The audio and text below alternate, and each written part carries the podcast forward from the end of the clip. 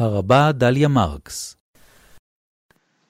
אוכל הוא דבר משמח, הוא מנחם, הוא מענג, אבל בהרבה תרבויות מתקיימים מעין מבחנים הקשורים באוכל ובאכילה. אורח מוזמן לבית, האם הוא ידע להביא את היין הנכון? האם הוא ידע לבצוע את הפת כמנהגי המקום? האם הוא ידע לאחוז את המזלג הנכון למנה הנכונה? האם ידע מה להגיד? האם ידע איך לברך?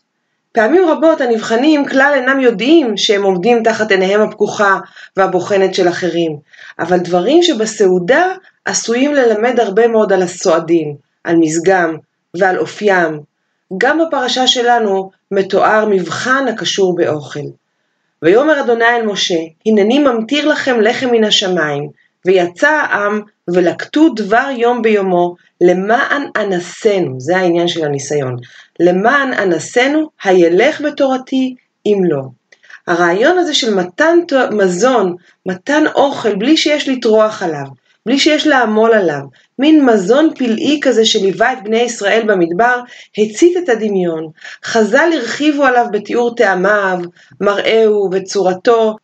הנה דוגמה שחביבה עליי במיוחד, זוהי הממרה של רבי אבאו בתלמוד הבבלי מסכת יומא דף ע"ה. את הפסוק והיה טעמו כטעם לשד השמן מבמדבר י"א, הוא מבין כאילו מדובר בחלב אם ממש. והוא אומר, מה שד זה, תינוק תואם בה כמה טעמים.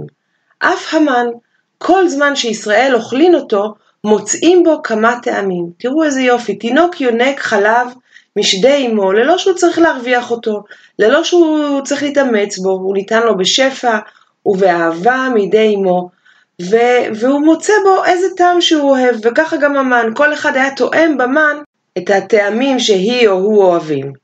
אבל לעומת תינוק יונק, אכילת המן הייתה כרוכה במבחן. והנה באמת זה נאמר במפורש בפסוקנו, כמו שקראנו, למען אנסנו הילך בתורתי אם לא. צריכה מידה גדולה של אמונה לאכול את מה שלפנינו, בלי שנדע בוודאות אם נקבל מחר עוד. צריכה מידה גדושה של אמונה כדי לחיות בחוסר הוודאות הזה. במחילתא, המדרש התנאי לספר שמות, נאמר על הביטוי דבר יום ביומו כך, דבר יום ביומו. רבי יהושע אומר כדי שילקוט אדם מהיום למחר כאין מערב שבת לערב שבת. ואילו רבי אלעזר המודעי אומר כדי שלא ילקט אדם מהיום למחר כאין מערב שבת לערב שבת, שנאמר דבר יום ביומו. מי שברא יום, ברא פרנסתו.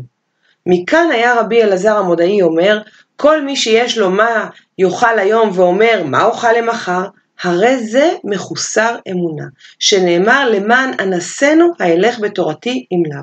וזה הפסוק כמובן מפרקנו, מכאן שלפי העמדה הזאת של רבי אלעזר המודעי, אין לטרוח ולדאוג לפרנסה.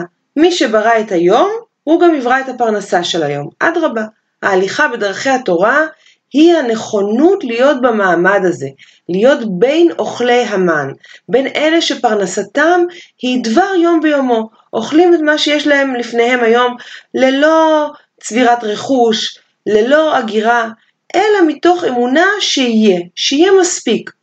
אבל זאת לא העמידה היחידה בפסקה הזאת. בהמשך, אנחנו שוב חוזרים לרבי יהושע שאיתו פתחה הפסקה, ונאמר שם בשנו, רב, רבי יהושע אומר, שנה אדם שתי הלכות בשחרית ושתיים בערבית, ועוסק במלאכתו כל היום, מעלין עליו כאילו קיים את כל התורה כולה. אלה בעצם דברי ביקורת על מי שמטיל את יהבו על הקדוש ברוך הוא, מתעסק רק בלימודו וסומך על, על כך שפרנסתו וכלכלתו תבוא מידי שמיים או מידי אחרים. אדרבה, רבי יהושע אומר לנו מי שמשלב חיי עולם וחיי שעה, כלומר חיי לימוד וחיי מעשה, הדבר נחשב לו, מעלין עליו כאילו קיים את התורה כולה. והמחילתא ממשיכה, מכאן היה רבי שמעון בן יוחאי אומר, לא ניתנה התורה לדרוש אלא לאוכלי המן. הכיצד? היה יושב ודורש, ולא יודע מאין אוכל ושותה, ומהיכן היה לובש ומתכסה.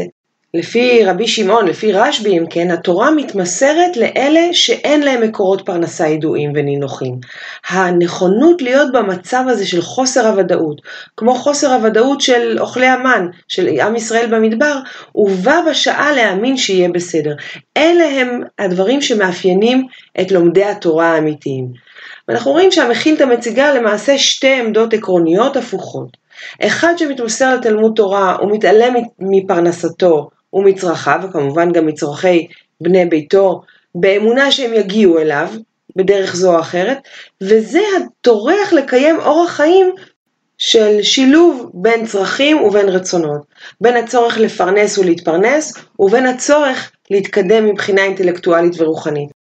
יש אולי מקום להעריך, אולי להעריץ, את אלה שמנערים מעצמם כל פירור של רצון להתעשר, של רצון לאגור, ובמקום זה עוסקים כל ימיהם בתורה. זהו אידיאל של עוני מקודש, של התמסרות.